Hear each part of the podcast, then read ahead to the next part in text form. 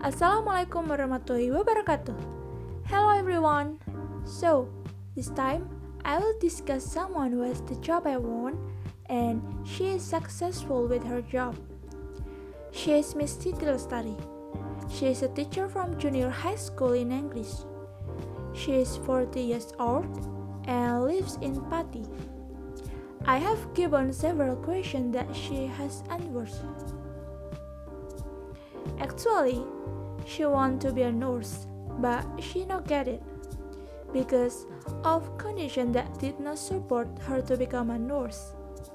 So she decided to become an English teacher according to his parents' expectations.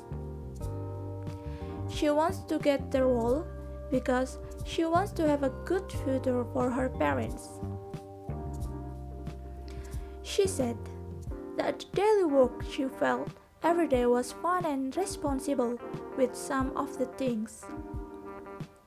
She also said that the thing she enjoyed most from her work was in when she met students and talked with them and all of her friends. Then, the thing she enjoys most about her work is when she teaches students and how to make them happy and behave well, well with others.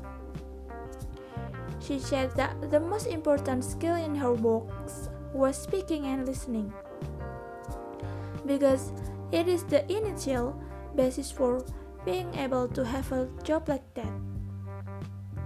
What she wants to know when starting this career is how to be a good teacher and how to teach students well. She sees herself for the next four or 10 years as she will be successful and happy forever. So, this podcast is over for me to talk about Missy Tilestari and about how her work is.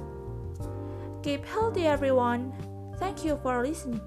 Wassalamualaikum warahmatullahi wabarakatuh.